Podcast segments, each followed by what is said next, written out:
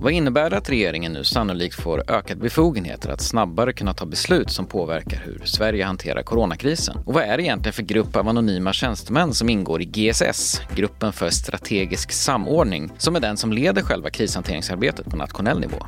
Du lyssnar på Expressen förklarar, jag heter Joakim Rydström och idag pratar jag med Expressens politiska reporter Maggie Strömberg varje vecka kan du höra Maggie tillsammans med Viktor Bartkron och övriga reportrar från Expressens politikgrupp i podden Verkställande utskottet. Men idag får hon hjälpa oss att förstå hur coronakrisen hanteras på ett politiskt plan. Jag frågar Maggie vad regeringen enligt förslaget som kom igår eftermiddag nu kommer att kunna göra utan att först behöva förankra det via riksdagen. Det man kommer kunna göra är ju begränsa folksamlingar till exempel. Man kan stänga varuhus, restauranger, kaféer. Man pratar om hamnar och flygplatser också. Alltså, det här en, blir en del i smittskyddslagen som säger att man liksom, med anledning av corona kommer regeringen kunna gå in och göra saker. Det här hade man antagligen kunnat göra ändå. Men ja, då... Det låter lite grann som att det här är någonting de nästan redan har gjort. Precis, men då hade man behövt gå via riksdagen och att riksdagen skulle ta ett beslut. Och då tar det några dagar. Riksdagen har kortat ner sin process jättemycket nu under corona för att saker ska kunna ske snabbare. Men det hade ändå tagit några dagar och man vill kunna stänga inom en timme om man ser det behovet. Så riksdagen kommer nog av allt att döma säga ja till den här lagen nästa vecka och då kommer regeringen få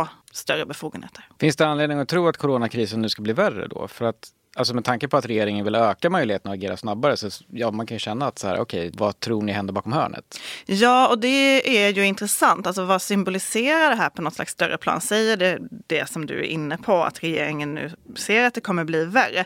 Det har man inte riktigt fått något svar på. Jag ställde den frågan till Lena Hallengren igår och det är många som har, har frågat det. Eh, det är lite otydligt. Alltså grannländerna gör ju nu tvärtom. Man börjar dra ner på restriktioner i Danmark och Norge, eller planerar för att göra det. Det vill säga, vi eh. gör ingenting som någon annan annan gör det, det är allt tvärtom. Exakt, ja. helt an, en helt annan tid. Ja. Eller liksom, vi ligger inte i fas med något Nej. annat land. Lite otydligt hur de tänker sig. Alltså, det man kanske kan föreställa sig är att man, det ligger väldigt olika i landet, alltså hur mycket smittan sprids. Och man kanske kan tänka sig att, säga att eh, i Västerås ser man plötsligt att smittan blossar upp. Ja, men då kanske man vill gå in och stänga liksom vissa saker där. Man stänger ett köpcentrum, man stänger restaurangerna lokalt. Men frågan kvarstår väl fortfarande lite, varför behöver regeringen kunna göra det? Varför det kanske kommunen skulle kunna göra.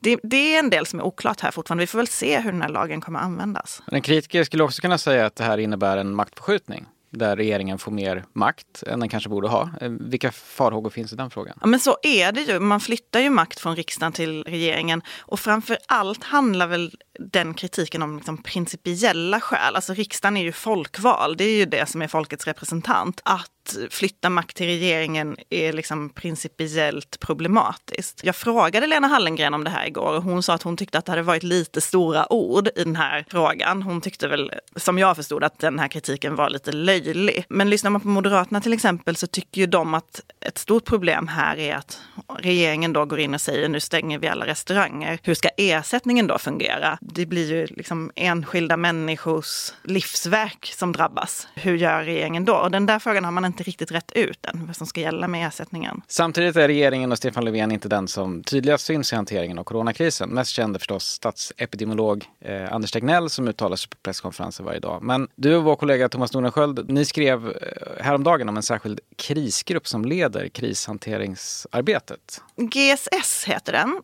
eh, Gruppen för strategisk samordning. Och den består av några statssekreterare i regeringskansliet ledd av Mikael Damberg, eh, inrikesministerns statssekreterare Elisabeth Backteman som är ansvarig för krishantering i regeringskansliet. Den här gruppen gruppen den möts varje dag och går igenom läget, pratar strategier framöver. Vad behöver man göra? Vilket läge befinner sig Sverige i? De träffas fortfarande fysiskt i ett litet rum på regeringskansliet. Nästan alla andra möten är digitala nu. Mm. Men, Nästan eh, alla möten på Expressen är digitala. Ja. Också. det, känns, det här är lite ovanligt onekligen. Ja, men det här är, det här är liksom centrum för krishantering. Sen mm. är det klart att, att ministrar och andra gör jättemycket, myndigheterna gör jättemycket. Men det, i regeringskansliet är ändå det här hjärtat just nu. Varför har ett så viktigt upp uppdrag, för det är ett väldigt viktigt uppdrag, delegeras till en i sammanhanget nästan helt anonym grupp tjänstemän. Alltså borde inte regeringen vilja ha en profilerad minister som leder ett sånt här arbete? Alltså så här ser det ofta ut i Sverige. Ehm, statssekreterarna är väldigt tunga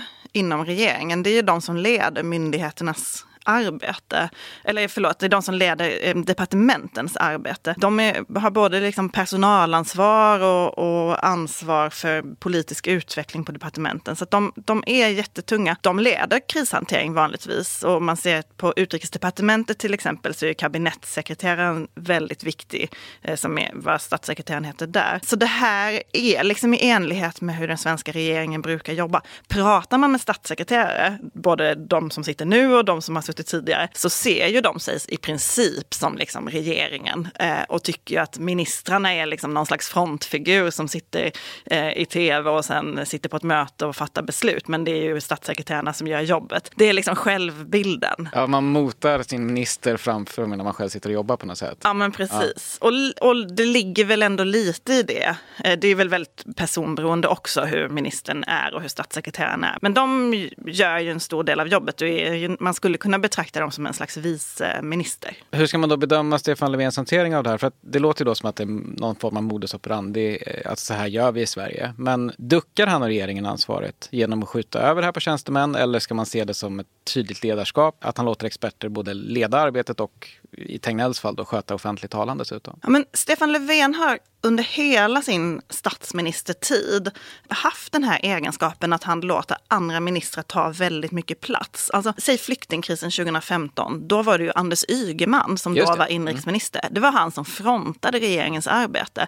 Stefan Löfven såg man inte till särskilt mycket. Nu är ju Lena Hallengren nästan statsminister i Sverige. Det är hon som socialministern som ju är ansvarig för myndigheter som Folkhälsomyndigheten och Socialstyrelsen. Hon är ju den som syns mest och som till exempel har fått svara på frågor om den här nya lagen. Det där är en del av Stefan Löfvens ledarstil och det finns olika åsikter om den. Men man hör till exempel både gamla socialdemokrater som liksom har jobbat under andra ministrar, till exempel under Persson-tiden, men också moderater som tycker att det här är ett sätt för Stefan Löfven att lite hålla ansvaret ifrån sig själv och då inte heller liksom ställas till svars i efterhand. Att det, här, det, det leder till problem i ansvarsutkrävningen. Man såg det under Transportstyrelseskandalen för några år sedan till exempel, där andra ministrar fick ju sluta i regeringen och blev väldigt hårt kritiserade, men Löfven hela tiden kunde säga att men jag hade ingen information om det här. Så det är väl lite i betraktarens öga, men det är lite ovanligt för en statsminister. Och än så länge verkar det finnas dessutom en politisk enighet från flesta partiers håll, trots att den ja, svenska inrikespolitiken senaste åren kännetecknas av oenighet snarare då, tydliga skiljelinjer. När tror du vi kan börja se en mer röststark opposition mot regeringens sätt att hantera den här krisen? Jag tror att man nog ändå behöver komma över den här så kallade puck tröskeln. Alltså så länge människor dör, så länge saker blir värre, så tror jag fortfarande att man kommer hålla sig ganska lugn. Och, och svensk politik har ju som du säger haft en oerhört hög konfliktnivå de senaste tio åren, men kanske särskilt eh, sen regeringsbildningen nu. Och Ulf Kristersson och Ebba Busch Thor, eh, eller Ebba Busch som hon numera kallar sig, eh, var precis på väg ut på en stor turné i landet som, som hade temat vi ska ta över makten i princip. Och den har de ju helt lagt ner. De, är ju, de, de bedriver opposition, de kommer med förslag, de har viss kritik mot regeringen men väldigt lågmält. Du har lyssnat på Expressen förklarar, en podd där vi i varje avsnitt fördjupar en specifik sak i nyhetsflödet. Och Maggie Strömberg kan du som sagt höra varje vecka i Expressens podd Verkställande utskottet som hon har ihop med Viktor Bart Kron och övriga reportrar från Expressens politikredaktion. Du kan förstås även följa Expressens bevakning dygnet runt på Expressen.se, i vår app och i Expressen TV.